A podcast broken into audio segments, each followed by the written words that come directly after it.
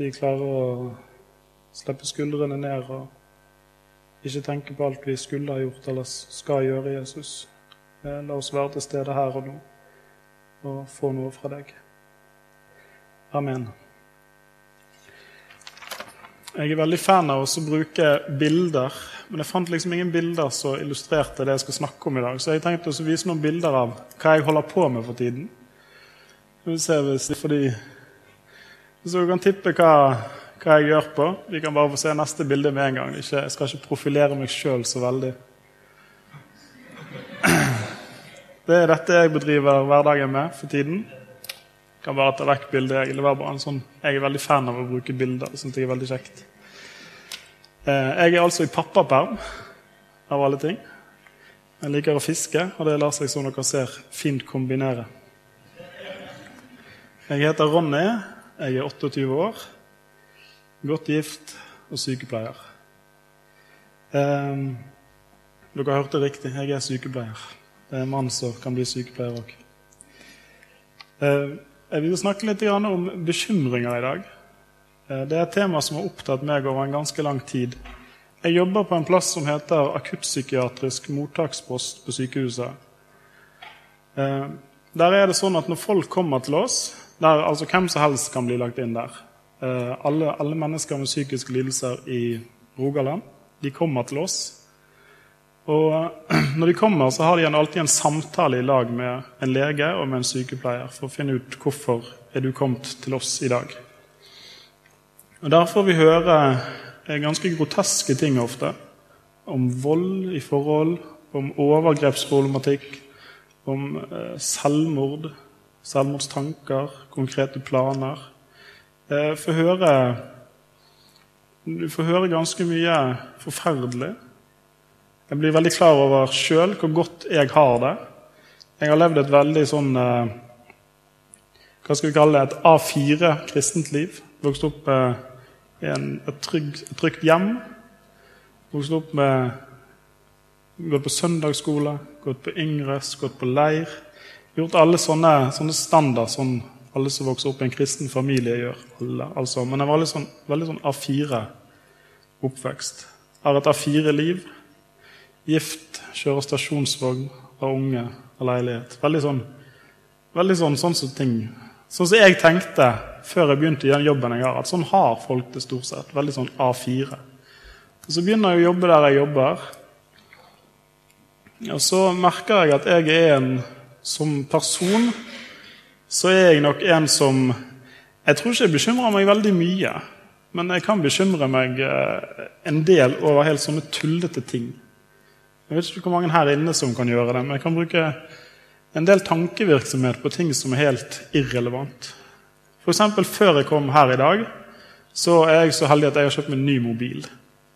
Og jeg, er, altså, jeg har en viss form for teknisk innsikt, men ikke noe særlig. Eh, så hvordan får du disse fancy nye mobilene? Hvordan får du lyden av på dem? Jeg har ikke anelse. Jeg fant ikke det ut. Jeg vet hvordan jeg får den på vibrasjon, men jeg, nå går jeg liksom med mobilen i lommen her og venter på at det skal begynne å vibrere. Jeg fikk ikke lyden av på den. Det har vært min ikke store bekymring i dag, men jeg fant ikke ut av det. Det brukte jeg en del tid på, mens jeg egentlig liksom skulle fokusere på andakten. Så merket jeg at det tok mye tid. Kanskje òg er du sånn som dette, at du bekymrer deg veldig mye for ting.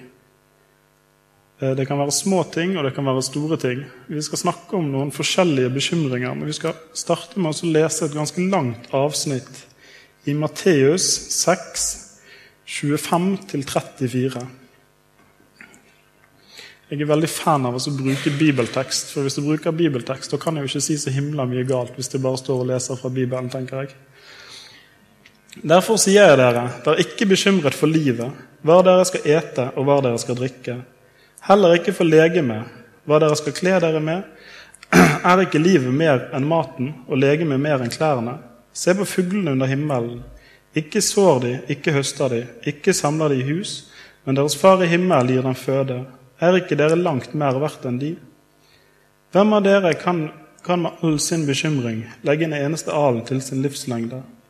Og hvorfor, og hvorfor er dere bekymret for klærne? Legg merke til liljene på marken hvordan de vokser. De strever ikke og spinner ikke. Men jeg sier dere, selv ikke Salomo i all sin prakt var kledd som en av dem.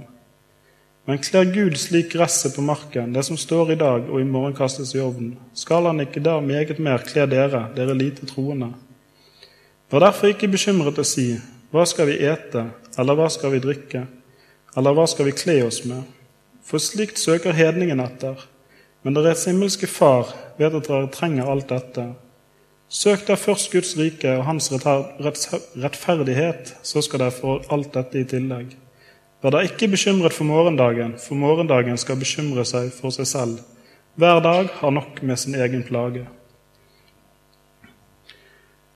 Jeg tror flere av oss her inne har vært så bekymret for egentlig helt irrelevante ting, men at det kan påvirke kristenlivet vårt. Jeg vet personlig at jeg har hatt det sånn, at jeg har hatt bekymringer i livet mitt som gjør at eh, jeg bruker mindre tid på å lese i Bibelen, jeg bruker mindre tid til å be. Jeg bruker mye krefter på å tenke på ting jeg egentlig ikke kan gjøre noe med. Og så tenker jeg at hvis jeg har så mange bekymringer, eh, lever jeg ikke nærmt nok til Gud da, siden jeg bekymrer meg så mye. Så kommer jeg inn i en sånn, litt sånn vond spiral. Jeg, jeg, jeg, vet at det er flere som òg har det sånn, at de bekymrer seg veldig mye. Eh, det å være, bli far, f.eks. Altså det er jo Har ikke vært bekymret før du blir far eller foreldre, så blir du i hvert fall etterpå. Bæsjer hun for lite? Bæsjer hun for mye? Ja, store bekymringer. Når vår lille jente Mathilde kom hjem fra Jeg vet ikke helt om jeg kan si dette for en taler. Ja, ja. Når hun kom hjem fra sykehuset, altså etter fødselen, så bæsjet hun ikke på ti dager. Hæ? Hva gir hun meg? Men det var helt normalt, fikk vi beskjed om. Sånn var det. Når hun begynte å bæsje, så var vi glad hun ikke hadde bæsjet på de ti første dagene, i hvert fall. Det er litt dumt å utlevere sin datter på denne måten, men dere har glemt at jeg har sagt det allerede. Eh, bekymringer i hverdagen vår kan ta så mye fokus at vi på en måte forsvinner vekk fra Gud. Og det tror jeg er veldig skummelt. For vi har altså å bekymre seg de, altså, Det gjør vi. Vi er mennesker alle sammen. Noen bekymrer seg lite, noen bekymrer seg mye. Noen bekymrer seg akkurat så mye som de bør.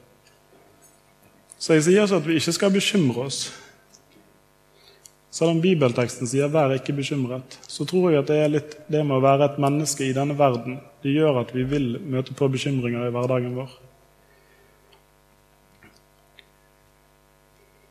Men det som er så utrolig viktig, det er at hvis du merker det at du begynner å bekymre deg, så etter lengre du venter med å ta dette opp med Gud, etter verre blir det hvis du har en bekymring som vedvarer. For Gud han har sagt at du ikke skal bekymre deg. Du må ta ting opp med Gud i ditt daglige bønneliv og i ditt daglige eh, bibelstudie. Les i Bibelen og be. For hvis du har Jeg, jeg opplever iallfall Gud som en samtalepartner i livet mitt. Får, det er ikke alltid jeg føler jeg får svar liksom, det er ikke sånn med en gang. Men jeg vet at idet jeg har lagt det fram for Gud i bønn, så vet jeg at da har Gud kontroll på det. Og Det håper jeg at dere òg gjør med ting som dere har i livene deres, som henger over dere. Har du en eksamen snart, og du ikke har lest, så vil du være bekymret. Sånn er det bare. Men du kan legge det fram for Gud uansett. At du vet at du har tatt Gud med på dette. Um, og så er det én ting jeg er ganske opptatt av. Det er at uh, eller det er et viktig punkt som jeg har snakket med andre om. Det er dette med Det går an å bekymre seg for at du synder. Og det syns jeg er ganske skummelt. Jeg har sjøl opplevd det, at jeg på en måte har jeg har hatt en synd som har gjentatt seg, tro det eller ei. Taler i Salem. Jeg synder, jeg òg. Men jeg har hatt en synd som gjentar seg. Og så har jeg på en måte prøvd å liksom skjule det for Gud. Er det noen som er med på det? At dere har noe i livene deres som dere Altså, dere viser fram alt andre for Gud. Det er akkurat som når vi får besøk hjemme. så Hvis noen hadde sett soverommet vårt Altså Det er helt strøkent, alt sammen, med soverommet vårt det får ikke dere gå inn på. For der, der har vi lagt alt som ikke er i stuen. Og Sånn har det noen ganger vært i livet mitt òg. At jeg har eh, hatt en veldig sånn from fasade. Men så har jeg visst med meg sjøl at jeg på en måte gjemmer en ting både for mine medmennesker og for Gud. Og Det, det kan være en sånn farlig spiral å komme inn i. Hvis du da bare fortsetter med den synden og ikke tar det opp med Gud, så snakker Bibelen i 1. Johannes brev, kapittel 1, og vers 9 og 10 skal vi lese, eller vi skal lese 8 til 10.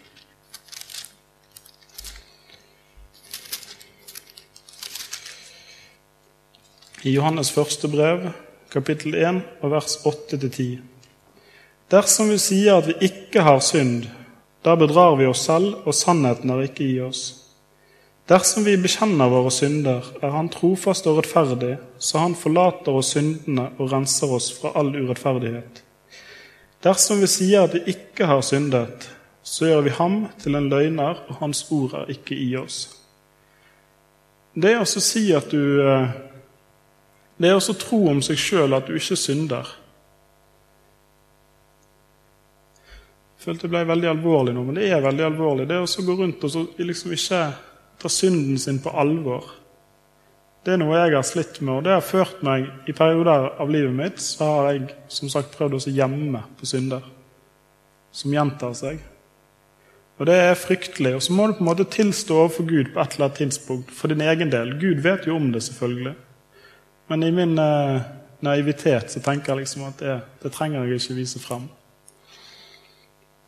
For min del i livet mitt så hadde jeg en periode der jeg, jeg kunne lyge om sånne helt sånn tullete ting da jeg var yngre. Jeg kunne skryte på meg en fisk som jeg ikke hadde fått. Altså, det var helt sånn her, det er ganske banale ting, men for min del så ble det liksom, jeg var klar over det òg. At nå står du her og lyger igjen. Jeg jobbet på G-sport en periode. Jeg jobbet på G-sport i mange mange år som ekstra hjelp. Da kunne jeg ta, ta meg i og si de helt sånn, så merkelige ting til kundene. Ja da, den har jeg sjøl. Den har jeg prøvd. Sant? Og det, det, er jo helt tullete, men for min del så, så ble det litt en sånn stor greie. For jeg var, jeg var så klar over det sjøl. Hva, hva er det du står og sier? Du står jo og lyver folk midt oppi fjeset. Og det er, ikke, det er, jo ikke, greit i det hele tatt. Hvor ofte har ikke dere hørt den på butikken? Jo, denne har jeg sjøl. Det er en sånn frase som vi sier. Han som kjøpte telefon av, han også sa det. 'Denne har jeg sjøl', sa han. Og så tenkte jeg ja, ja, det har du sikkert. Og så dro han opp av lommen, og så da tenkte jeg ok, det er greit.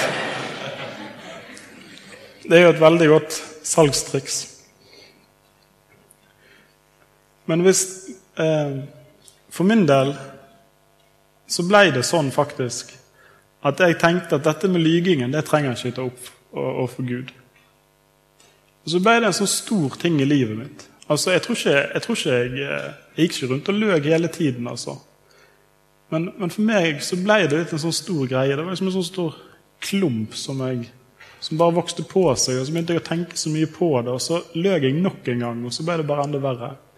Og Sånn kan det være for noen her, at dere har noen ting som dere vet om. Det kan være helt, det kan være helt banale ting, men så kan det, kan det bli veldig vanskelig. For min del har det blitt det ble det det. Dette med løgn. Og så kom, leste jeg dette i Bibelen. Dersom vi sier at vi ikke har synd, da bedrar vi oss selv, og sannheten er ikke i oss. Dersom vi bekjenner våre synder, er Han trofast og rettferdig, så Han forlater oss syndene og renser oss for all urettferdighet. Dersom vi sier at vi ikke har syndet, så gjør vi ham til en løgner, og hans ord er ikke i oss. Dere kan hjem og lese 1. Johannes brev, kapittel 1 og 2. Det er, ganske, er en ganske sterk tekst som forteller oss om dette med å bekjenne syndene våre. Vi skal fortsette å lese litt i, til i Romerbrevet, kapittel 5, vers 7 og 8. For knapt noen vil gå i døden for en rettferdig, skjønt for en som er god, kunne kanskje noen ta på seg å dø. Men Gud viser sin kjærlighet til oss ved at Kristus døde for oss mens vi ennå var syndere. Du vært, altså Er du syndfri, så trenger du ikke Jesus. Så enkelt er det. Men ingen av oss er syndfrie. Og vi trenger Jesus, og vi har en, har en fantastisk Gud som vet om det, at du er en synder, at jeg er en synder. Derfor sendte han Jesus for at han skulle ta på seg alle våre synder, sånn at vi skulle komme til himmelen. Og til himmelen vil du. Det er jeg helt sikker på. Så jeg håper at for oss som er her inne, at bekymringer ikke fører, til, fører oss lenger vekk fra Gud. Det er på en måte oppfordringen i dag. Har du en bekymring som en bekymring, for min del, eller en synd som du føler har valgt på seg, så oppfordrer jeg til å gå, gå til forbønn i dag. Og Så kan du dele denne bekymringen med noen andre kristne og få bedt i lag for denne bekymringen. Eller hvis du har en synd som du føler er, tar mye plass i livet ditt. For Det er utrolig viktig for oss å få, få delt med andre. Det er akkurat som om noen løfter en stein av skuldrene dine. Og Hvis du ikke tar Gud med på bekymringene dine, hvem skal da hjelpe deg? Skal du klare alt alene? Hvis du tenker at du skal klare alt alene, så tror jeg du har bommet litt. For Gud han vil være med i alt det du foretar deg. Ikke bare når det virkelig kniper, altså at du virkelig Nå er jeg, nå er jeg ille ute å kjøre, at du da tar Gud med. Ta Gud med med en gang. I Salme 37, vers 5, så står det:" Sett din vei i Herrens hånd. Stol på ham, han skal gjøre det. Sett din vei i Herrens hånd. Gjør det i dag. Og når du setter din vei i Herrens hånd, så ta med på alt du gjør. Ikke bare på deler av livet ditt, ikke bare på deler av det du sjøl tenker er bra. For en fin fasade, det kan hvem som helst klare å få til. Men det å la Gud virkelig få se hvem du er på innsiden, det krever litt hvis du ikke har gjort det ennå. For Gud vet alt, men det handler om å få, få lov til for din egen del og så legge det fram. Så benytt muligheten her i dag å gå til forbønn, eller benytt muligheten når du kommer hjem, til å bekjenne syndene dine overfor Gud. Så har du en fantastisk Gud som har sendt sin egen sønn, sånn at du skal få lov til å komme til himmelen. Så enkelt er det, og så vanskelig er det. Bare ta imot Jesus. For dersom du med din munn bekjenner og i ditt hjerte tror at Gud oppreiste ham fra de døde, da skal du bli frelst. Det står det i Romerne 10,9. Det er veldig enkelt, samtidig som det er fryktelig vanskelig. Så jeg håper at du tør å dele med andre. og Det har iallfall hjulpet meg. Bibelen sier ting om det, og det tror jeg kan hjelpe deg. Tror ikke jeg skal si så mye mer enn det. Kjære Jesus. Tusen takk for at du kjenner meg som jeg er. Takk for at du vet om alt jeg gjør. Kjære Jesus, må du gjøre sånn at jeg tør å ta deg med på alt. Må du få se hele hjertet mitt, Jesus, alt jeg har. Må du gjøre sånn at dette gjelder for alle som er her inne. Må du ikke la bekymringer styre hverdagen vår, Jesus. Du ser dette søk først Guds rike. La oss være flinke til det, Jesus. Ta deg med fra starten av. Amen.